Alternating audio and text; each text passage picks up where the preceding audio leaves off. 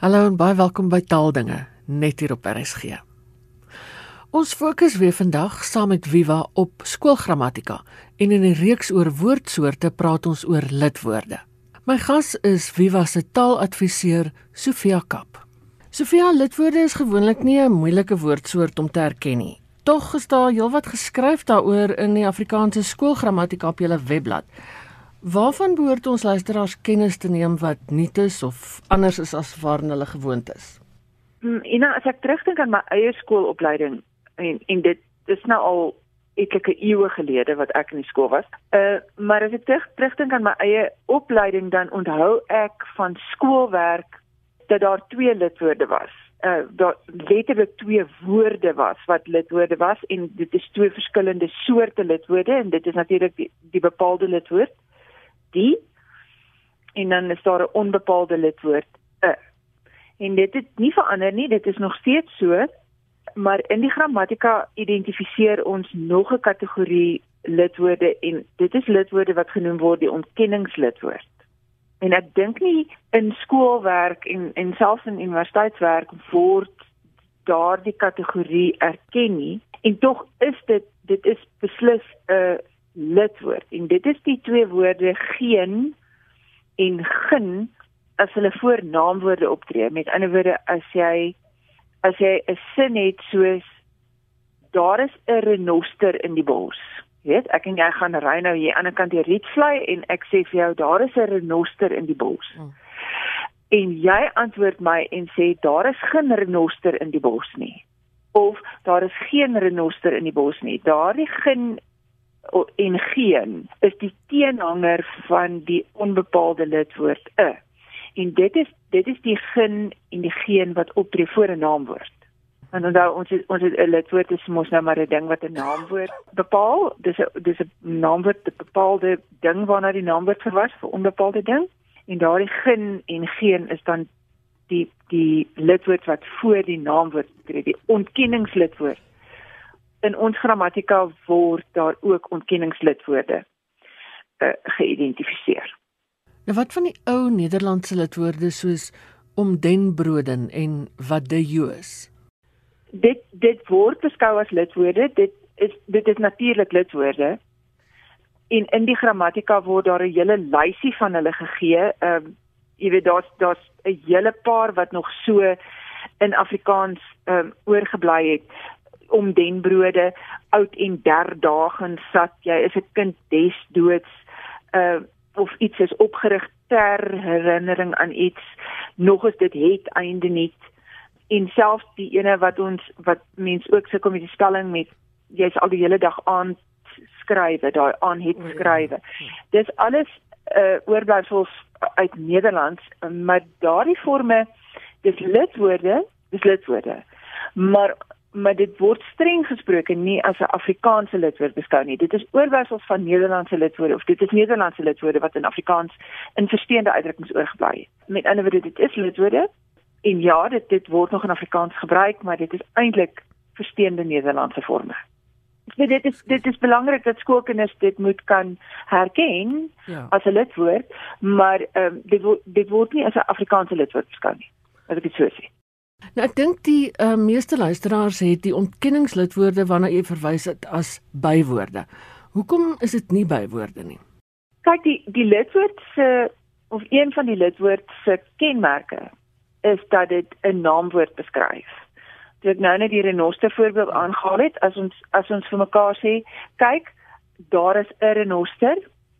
Daardie 'n is 'n onbepaalde lidwoord want hy verwys na 'n ding wat ons nog nie oor gepraat het nie. Dis 'n onbepaalde renoster, dis nie 'n bepaalde renoster nie. Ons het nog nie hierdie renoster gesien nie.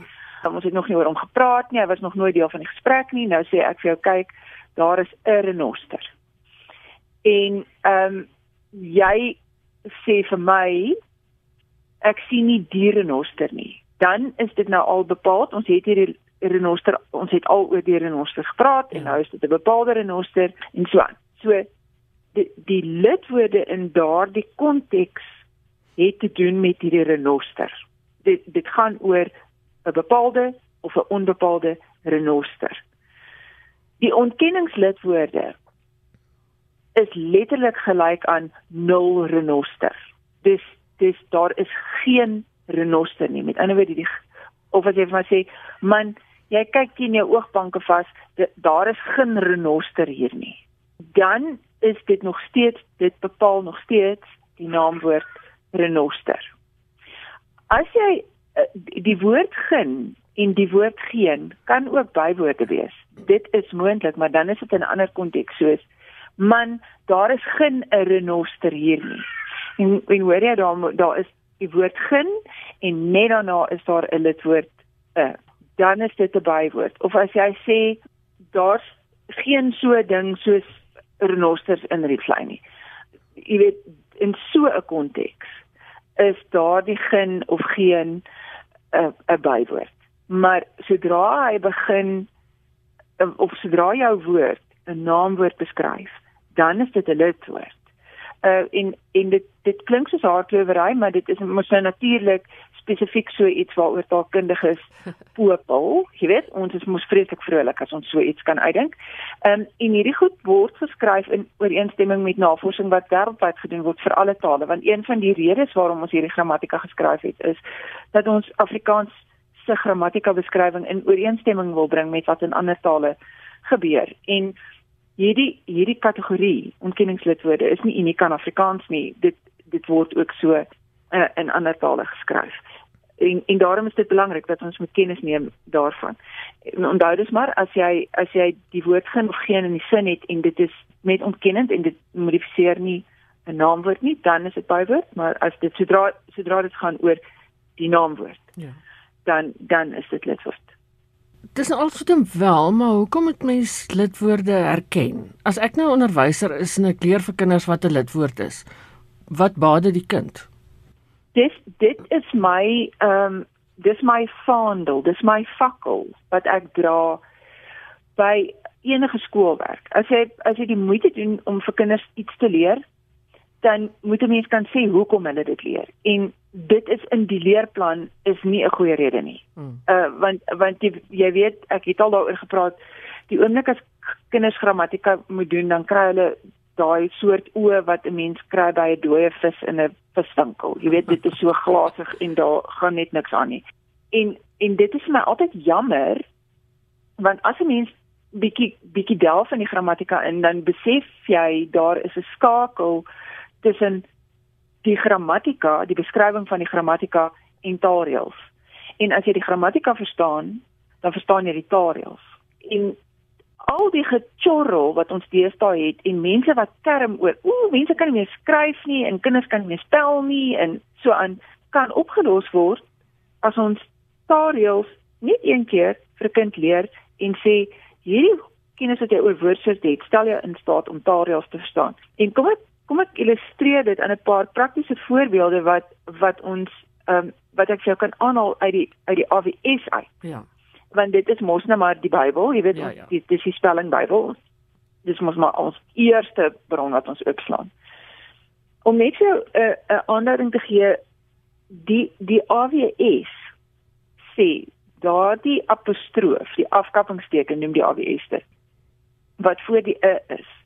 Daardie afkappingstekentjie krul in Afrikaans soos 'n 9. In Engels krul hy soos 'n 6.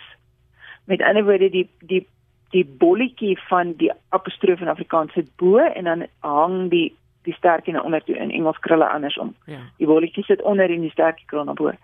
En dit dit is vir 'n skoolkind eintlik nie belangrik nie, maar die oomblik as daai kind 'n eerste werkstuk op 'n rekenaar doen en die spelling, die die die taal van die speltoetser word nie gestel op Afrikaans nie, dan krul al daai is se se apostroof verkeerd. En dit is deurlopend 'n taalfout. En dit is dit is met ander woorde geweldig belangrik dat jy weet die e in Afrikaans as dit word daai lidwoord kom van die van die Nederlandse woord een en die die apostroof daai aan dat die twee e's weggelaat is. Jy moet die apostroof regspel regskryf en die ander ding is ek kry verstommend baie navrae by die by die adviesdiens hier by Viva oor die spelling van van 'n. E. Die vraag is is daar 'n ander manier om dit te spel? Mag 'n mens dit skryf H U N? En die antwoord is nee, want 'n staan nie vir hin nie. Ja. Dit staan vir een en die die apostroof daai ander daai twee e's weggelaat is. Hin is 'n spelfout. En dan is daar dan is daar natuurlik die reëls in die in die AWS daai vreemde ding wat ons in Afrikaans sê dat dat 'n mens 'n met 'n klein letter skryf en dan die volgende woord wat 'n mens in die sin net skryf met 'n hoofletter. Ja. As jy skryf 'n renoster, dan kry die 'n nie die hoofletter nie, maar die r kry die hoofletter. Die meeste mense ken dit. Selfs tweede taalleerders het nie probleme daarmee nie, maar maar maar dit is baie keer ehm uh, weet mense nie dat as jy 'n uh, 'n syfer daai het. As is 'n 6. Jy weet, dan dan kry die volgende woord nie die hoofletter nie. En en dan is daar 'n reël in die AWS wat vir jou sê as jy 'n woord het wat 'n eienaamwoord is, as jy 'n naam het van 'n ding, dis 'n eienaamwoord en daai naam bestaan uit 'n klomp woorde. Soos sê net maar Kaap die goeie hoop. Dan is die lidwoorde in daardie multiwoord eienaamwoord. Dan is die lidwoorde met klein letters. Die lidwoorde is met klein letters, die voorsetsels is met klein letters, die partikels is met klein letters en die voegwoorde is met klein letters. As jy met ander woorde het soos kuns en kultuur, die skoolvak kuns ja. en kultuur, dan is die N met 'n klein letter en die lidwoorde is met 'n klein letter. En en daardie reël kan jy dan net korrek toepas as jy weet wat is 'n lidwoord, wat is 'n voegwoord, wat is 'n partikel en so aan. En dan is daar gevalle waar waar 'n mens lidwoorde in konteks gebruik, moet gebruik of nie moet gebruik nie. En en sulke reëls word nie in die AWS vervat nie want dit het meer met sinskonstruksie te doen as wat dit met spelling te doen het, maar daar is 'n baie nuttige bron tot mense beskikking met die naam van Norme vir Afrikaans geskryf deur Provani Karstens en hy het daar in 'n baie baie nuttige lys saamgestel van gevalle waar lidwoorde weggelaat word onder die invloed van Engels en een van die een van die gevalle wat 'n mens die meeste sien in skryfwerk is daardie die meeste. Ja.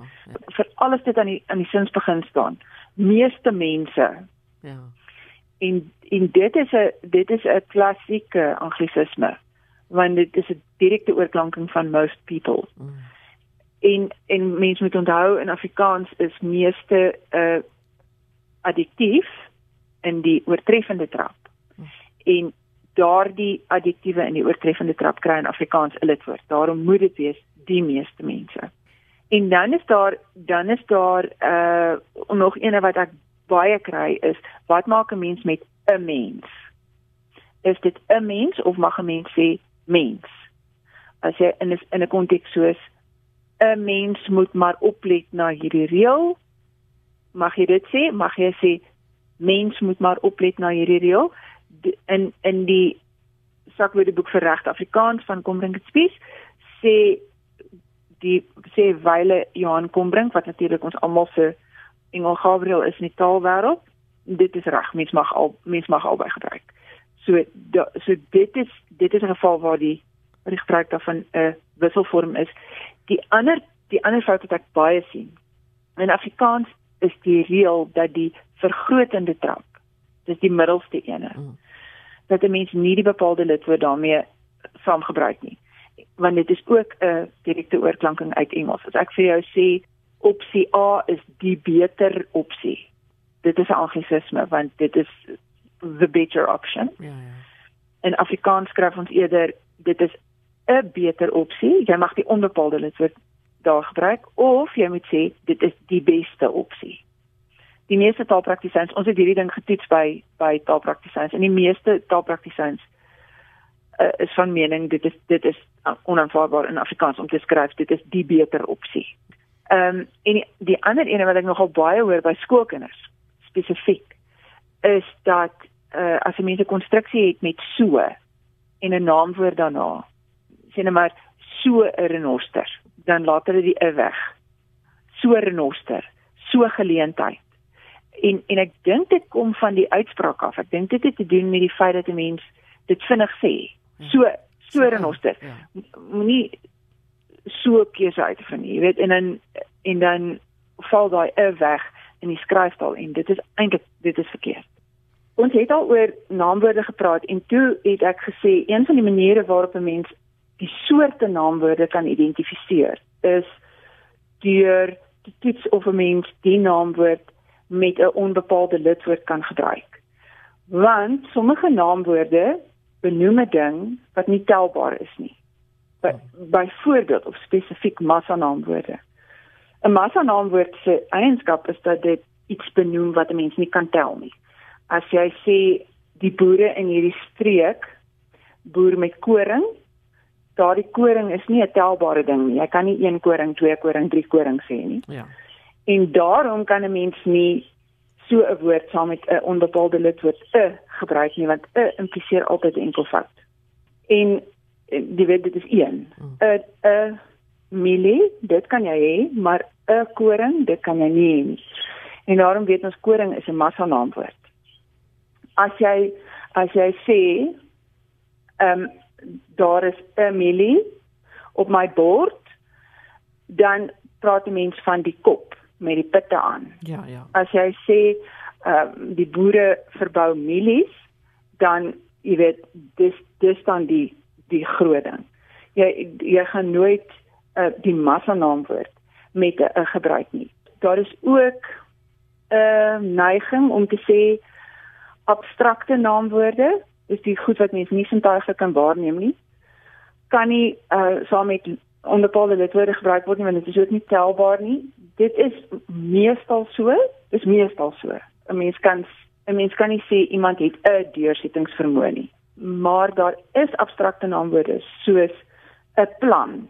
'n Plan kan jy ook nie sintuiglik waarneem nie. Dit sit iewers in iemand se kop of jy het 'n plig teenoor jou gesin, sê net maar.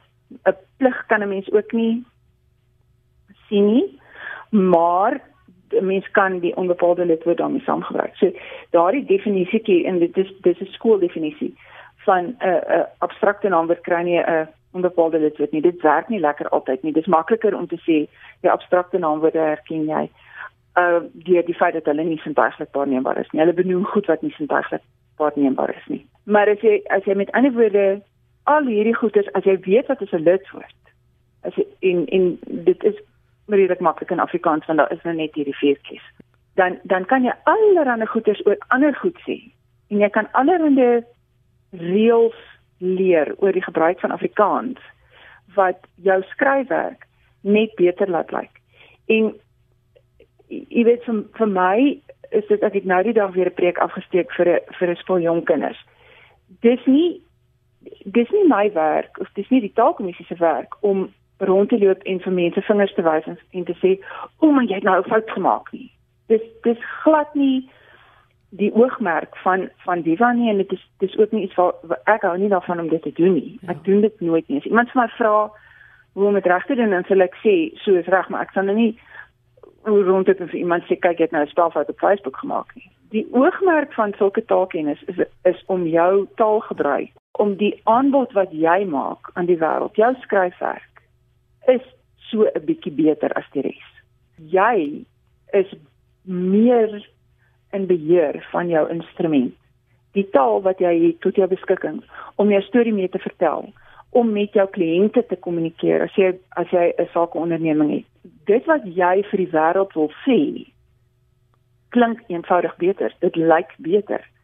En omdat dit beter lyk, is mense meer geneig om jou te glo hulle is meer geneig om dit wat jy vir hulle sê te aanvaar. Dis is dis 'n aardige ding, maar dit is op dieselfde manier as as jy by mense aankom met 'n flenter klere.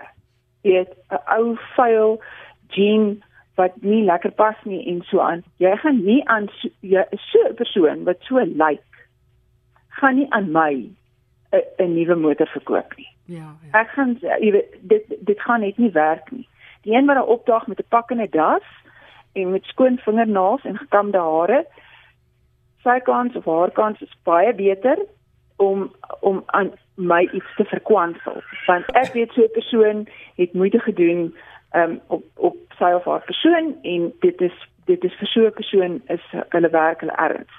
Uh, en dieselfde dieselfde geld taalgebruik. As jy um, ernstig is oor goeie taalgebruik, dan is jou boodskap um, helder is. Dit raak nie verdoesel deur deur spelfoute en en vlotsinskonstruksie nie. Dit is nie niks nie. Dis maar al wat ek sê. Dit is nie onbelangrik nie.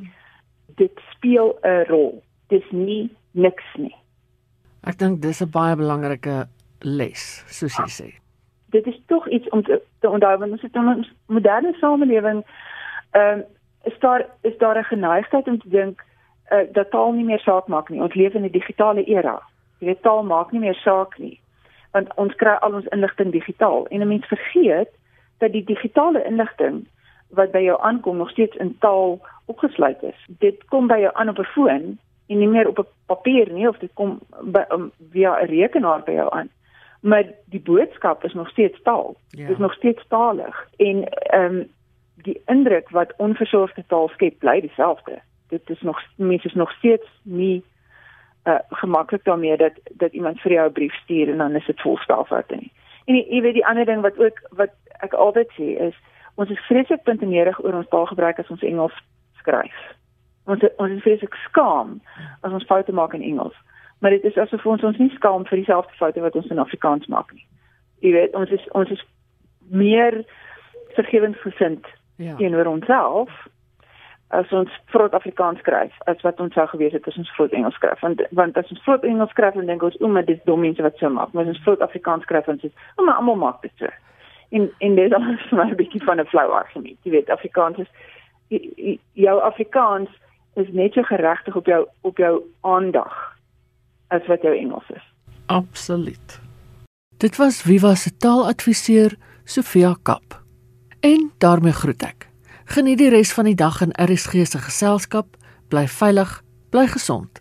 En van my Ina Strydom groete tot 'n volgende keer.